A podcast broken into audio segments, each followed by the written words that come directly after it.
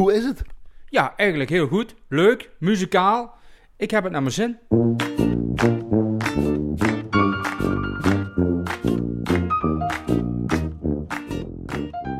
Hier in Gronsveld en omschrijf even wat we zien vanuit jouw werkplek, Arnold Smit. Ja, uiteraard. De spoorwegovergang.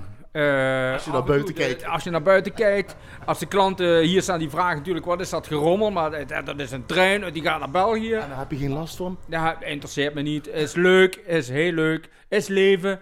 En zo moet het. En is geluid, hè? Want daar ben je vooral ook mee bezig. Geluidstechniek, maar ook reparatie met gitaar en basgitaar. Uh, uh, is dat los van elkaar of in combinatie met elkaar? Het loopt in elkaar over. Als je een, als geluidstechnicus voor een band staat, ja, de eerste die je ziet is een gitarist, een bassist, een drummer.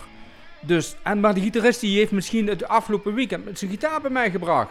En staat de dinsdag daarna op te treden. Wat je ook mooi zegt, gitaar, bas, uh, drums, dat is meestal het begin van een uh, soundcheck als je dat doet ja, van een band. Waarom is dat zo? Je begint, e- ja, er zijn natuurlijk een aantal protocollen voor. Ik ben eigenlijk vrij tegen draads. Ik begin altijd met de drummer. Ik vind de drummer uh, de basis van de band. Uh, om die dus de, te soundchecken. En daarna begin ik met de basgitaar, de gitaren, de zang, monitors. En dan doe je het totaalbeeld, hetgeen wat je hoort. Hoe ben je tot dit vak gekomen? Gitaren, dat was mijn passie. Dat deed ik heel graag. Uh, dat vond ik heel erg leuk om te doen. Altijd bij, bij mijn vader in de winkel was ik op alle gitaren jengelen tot zijn grote ergernis. Ja, jouw vader is de, de, bekende, legendarische van de muziekwinkel uit Maastricht, de Music House Daan Smit, hè? Ja, dat klopt. Ik heb dus uh, al die jaren bij, met mijn vader en mijn broer samen in de winkel gewerkt. Uh, drie kapiteins op één schip. Nooit problemen. Nooit problemen. Was een hele leuke tijd.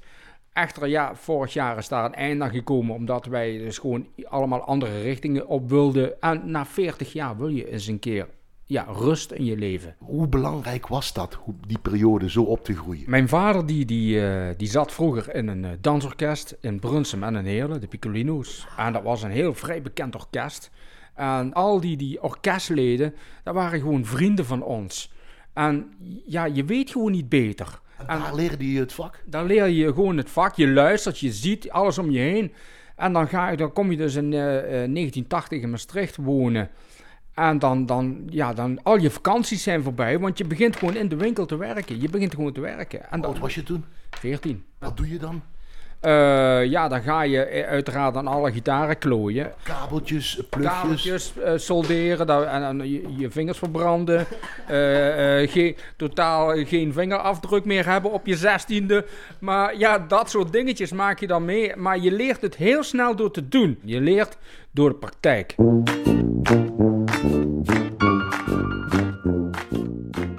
Moet je in hetgeen wat jij doet een soort van multifunctionele of smid voor alles zijn? Ja, je bent houtbewerker, je bent metaalbewerker. Uh, je bent iemand die uh, elektrische schakelingen in een paar seconden tijd uh, kunt doorzien. Je bent alles in elkaar. Het is een ambacht. Dat is ook een van de redenen waarom ik hiermee ben doorgegaan. We hebben dus vorig jaar de winkel gestopt. En die kennis die zou dus eigenlijk per 1 april vorig jaar gestopt zijn. En verloren zijn. Verloren. En dat kan niet. Hoe belangrijk is het materiaal? Ik zie hier ook van alles, kabeltjes. Ik heb hier wat schroefjes staan. Ik heb hier allerlei uh, digitale mengpanelen staan. Maar eigenlijk is al die apparatuur is ondergeschikt. Apparatuur vind ik ondergeschikt. Want jij moet jouw ideeën die jij wilt op het podium voor die en die muzikanten. Jij bent degene die bepaalt.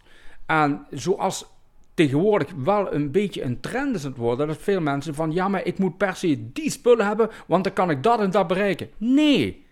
Jij bepaalt wat er gebeurt. Sterker nog, jij zegt het moet zo neutraal mogelijk zijn. Wat bedoel je daarmee? Uh, zo neutraal mogelijk klinken. Als ik in een uh, grote, moeilijk akoestische ruimte zit en ik zit met een uh, blaasorkest waar de klarinetten achterblijven of de dwarsfluiten, die dus minder rendement hebben als een trompet. Nou, dan versterken die een klein beetje bij. Ga jij nou de trompetten bij versterken, dan klopt de directiepartij van de dirigent niet meer. Kom je met hem in de problemen. En die zijn nog wel lastig, die dirigenten. Ja, absoluut. Die klimmen gelijk in je nek.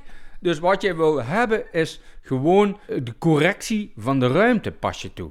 En niet van het orkest. De akoestiek die is overal anders. Hoe ga je daarmee om? Luisteren. Luisteren, gewoon luisteren, je oren gebruiken. Je kunt ook meten met allerlei meetapparatuur, maar je hebt twee oren, die bedriegen je nooit. En gewoon op verschillende plekken gaan staan in de ruimte en gaan proberen. Proberen in de ruimte dat kan ik nou de medeklinkers, kan ik die goed horen links achter een hoek of rechts achter een hoek of in het midden van de kerk. Of uh, een concertzaal of waar dan ook. Ja, want dat doen jullie altijd. T, t, t. Ja, ja, dan, dan gaan jullie test, ja, test. Ja, ja, test, test of weet ik het wat. Allemaal rare woorden. maar het gaat zich er gewoon om dat ik dus ook echt alles kan horen. De zang is natuurlijk heel belangrijk. De zanger die brengt de boodschap. Uh, die bepaalt eigenlijk uh, wat de band eigenlijk voorstelt. Nou ja, dan, dan wil ik hem ook horen. Een toespraak is het moeilijkste wat je kunt doen. Zeker als je verschillende toespraken hebt op een debat of zo, dat ook iedereen, ook die in de zaal zitten met een gehoorstoornis, dat ook allemaal perfect kunnen volgen. Je hebt lage stemmen, je hebt hoge stemmen. juist, je hebt articulaties, mensen die binnensmonds praten, mensen die een kunstgebit hebben waar bepaalde geluiden bij komen kijken. En dat moet je dus gewoon even eruit halen op tijd van een paar seconden. Allemaal rekening mee houden. Allemaal rekening mee houden en dan in een paar seconden. Die frequenties moeten eruit en die moeten erin. Dat klopt niet, dat moet ik doen.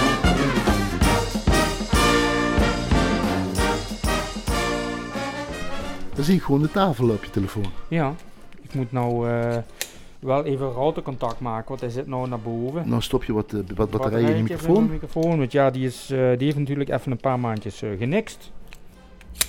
Ja, dit is eigenlijk de hele installatie. Alles zit op, hierin. En tikken op je telefoon ja, en daar staat alles telefoon. op. Dan maak je gewoon contact met deze router. En dan ga je de microfoon testen. Ja. Nou, hij zit erin. Even kijken. Hey. Zo. En dan, uh, dan doen we er een uh, mooie uh, galmpie bij. Huppakee, ja, ja. En tja, tja, tja, tja, tja, ja. Alle kanten kunnen we op. we kunnen het geluid verfraaien. We kunnen het nog. We kunnen, huppakee, een pieper. En die kunnen we er even uithalen. Dus dat, zo werkt dat gewoon. En dan heb ik je telefoonstem. Hè. Ik bel nou vanuit Chicago. En nu zit ik weer in Maastricht. Zo, zo, zo. Huppakee. Nou, zo werkt het eigenlijk uh, mixen met je telefoon. Line check. Wat bedoelen ze daarmee? Een line check, dat betekent dat ze kijken of alles op het mengpaneel ook binnenkomt. Dat ze dus kunnen zien, alle gitaren, alle microfoons, alles doet het. En dan op het moment dat ze een line check doen en je hebt een goede technicus, die kan dan in stiekem al de volumes bepalen hoe het moet klinken en zegt tegen de band eerst nummer spelen en onderweg gaan we wel verder. Want dan komt het mixen. Hoe belangrijk is dat? Dat is het allerbelangrijkste natuurlijk, want jij moet natuurlijk bepalen, jij bent die man die dus zorgt dat achterin iedereen alles van die band en ook de emotie van die band kan overbrengen. Front of House, FOH. Front of House is de muziekinstallatie die dus links en rechts van het podium staat. Uh, vroeger bij de Beatles waren dat van die zangzuiltjes. Na, uh, bij, de, bij, bij Elvis waren dat de grote installatie die boven zijn hoofd hing op Madison Square Garden. En naar de hand bij de Stones waren dat die grote banaanvormige dingen die je zo bij André Rieu op het Vrijthof ziet. Is dat een status aparte? Hij knoopt de allemaal aan elkaar. Als iemand mij vraagt van kun je het geluid doen op mijn avond, dan betekent dat dus ook wel dat ik bepaal wat er gebeurt. Dus ik heb dan ook het eh, zogenaamde emotionele overwicht. Ik bepaal wat er gebeurt, maar ik ben daar ook wel eindverantwoordelijk.